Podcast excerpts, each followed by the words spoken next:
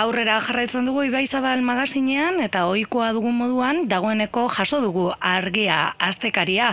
Eta bertan dakarren gai batzuk e, ekarriko dizkigu jarraian Lander Arbela hitzek egunon Lander Kaixo, egunon. Oikoa dugun moduan, ba, salera begira jarriko gara eta larun bateko protestaren irudia ikus dezakegu, ez? Errausteriaren protesten irudi, e, protesta izan zen larun batean eta horri hori azalera eraman duzue.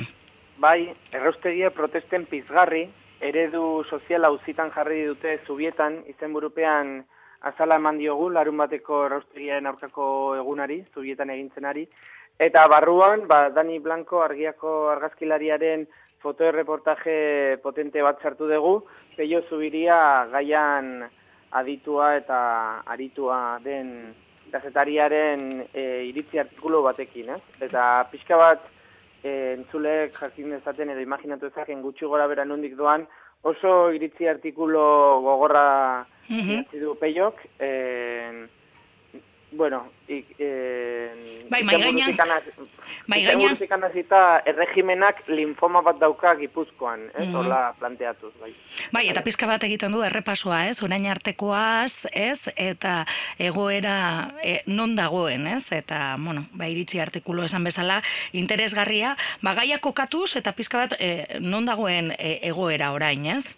Bai, niri iruditu zait potentea, batez ere, e, bueno, esaten du Gipuzkoa mailan, ez, bate, e, bueno, alde bat, e, nola ezeteko Gipuzkoa garaie izenez bataiatu zuten lobby batek dena kontrolpean daukala adierazten du, adibidez esku batekin PNV SOE eta PP erregimena, berak inkluso jartzen du ez da, ez da erregimen hitza iseka bezala, baizik eta boterea erabiltzeko forma definitu nahi duela, eta beste aldetikan, e, Gipuzkoako establishment enpresarialak ba, nola ari diren urte guzti hauetan, ba, azken finean, ba, beraien nahieran bata eta bestean lanean, eta, bueno, pizka bat kontatzen du peio zubiriak, ba, nola azken asteetan protestan dia gertatzen ari diren erraustegiaren aurka, baina nola edabidetan ez den ezer ezer ezer ateratzen, mhm. eta, e, ba, bueno, Gipuzkoa zutikek deitutako martxa desobediente hori, nonila mila pertsona juntziren buzo txuria jantzita,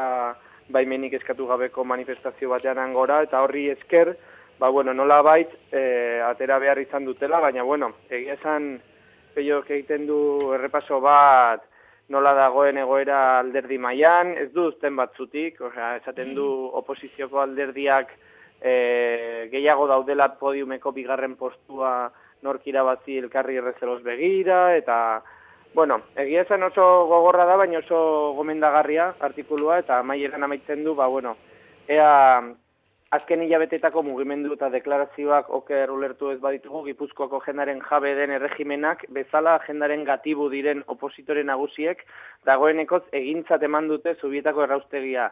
Herritar asko ala gutxi izango aldira aurrean jarriko direna, altxako alda Gipuzkoaren genioa, eta bar, beraz, bueno, gomenda, e, gomendagarria eta potentea. Bai, eta daniren argazkiak, ba, pizka bat oso ondo argi e, adierazten dute, ba, larun bateko e, martxa desobediente hori, ez? Hori azalera eraman duzuena, eta erreportaietako bat dena, iritsi artikulo horrekin batera, baina beste gai batzuk ere dakartza argiak, eta iruñako nerea filat e, elkarrizketatu duzu ere, e, interesgarria oso kontatzen diguna.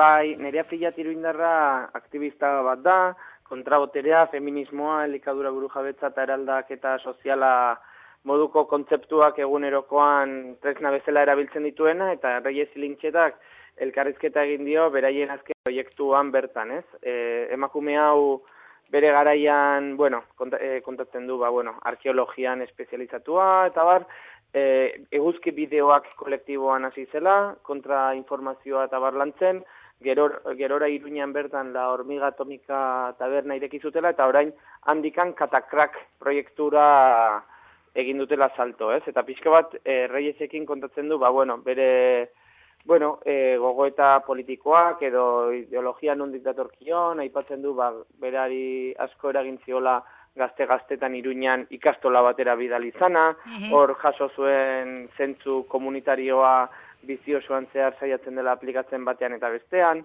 Eta, bueno, gero ja, pues, konkretuago, ba, Nafarroko gobernuko aldaketari buruz hitz egiten dute, en, nereak esaten du, bueno, oraindikan nola baita esaten du bere, e, badakit gauza batzuk hobetu direla eta ongi dago, baina minimoa iruditzen zait, hau ezin da izan aldaketa politikoak ekarri behar zuen guztia.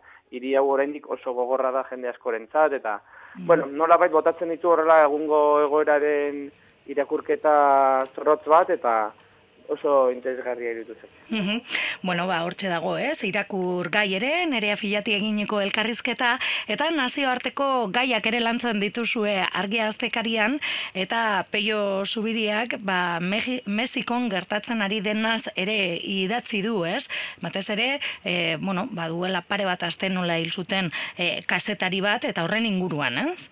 Bai, Javier Baldezi amabi bala, eta kazetari bat gutxiago ustelak salatzen Mexikon, e, izenburuko reportajean pixkat kontatzen du nola dagoen panorama Mexikon, e, azaltzen du nola eunda goita kazetari hilituzten bordizki Mexikon 2000 garren urtetik gaur egun arte, eta urten bertan ja zazpi, zazpi dihoaztela, ez? Eta, bueno, reportajean zehar, e, aprobetsatzen du Javier Valdez hildutela, ba, pixkat azaltzeko nortzen Javier Valdez bera, eta Javier Valdez hau badirudi hogeita mar urtez e, kazetari lanetan zebilen ba, persona seri, e, kazetari serio bat zela, hainbat liburu idatzitakoa, mis narko, huérfanos del narko, mala hierba, e, narkoperiodismo, eta bar, eta bar, eta bar, hola ikusten da beraz, nar, narkotrafikoari buruz eta botereari buruz idazten zuela, eta, ba, bueno, nola duela bihazte amabi tiro eman zizkioten mm kale erdian, ez? Mhm. Eta kontatzen du, ba, bueno, nola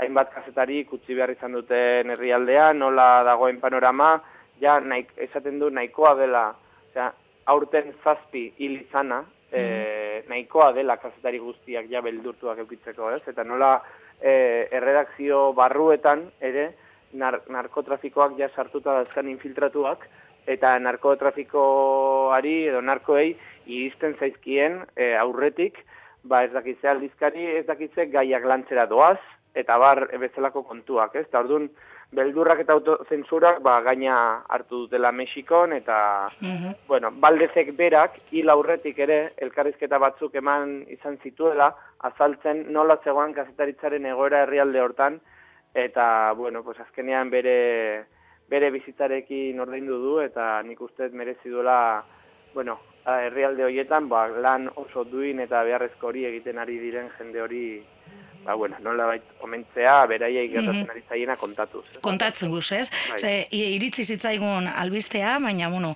e, larria ere Mexikon kasetariak bizi dutena. Ba, huesek dira, e, gai batzuk, argia aztekariko berrian jaso ditugun gai batzuk, gehiago, kontu gehiago ere badakartza, beraz, entzuleari gunbitea irakurtzeko.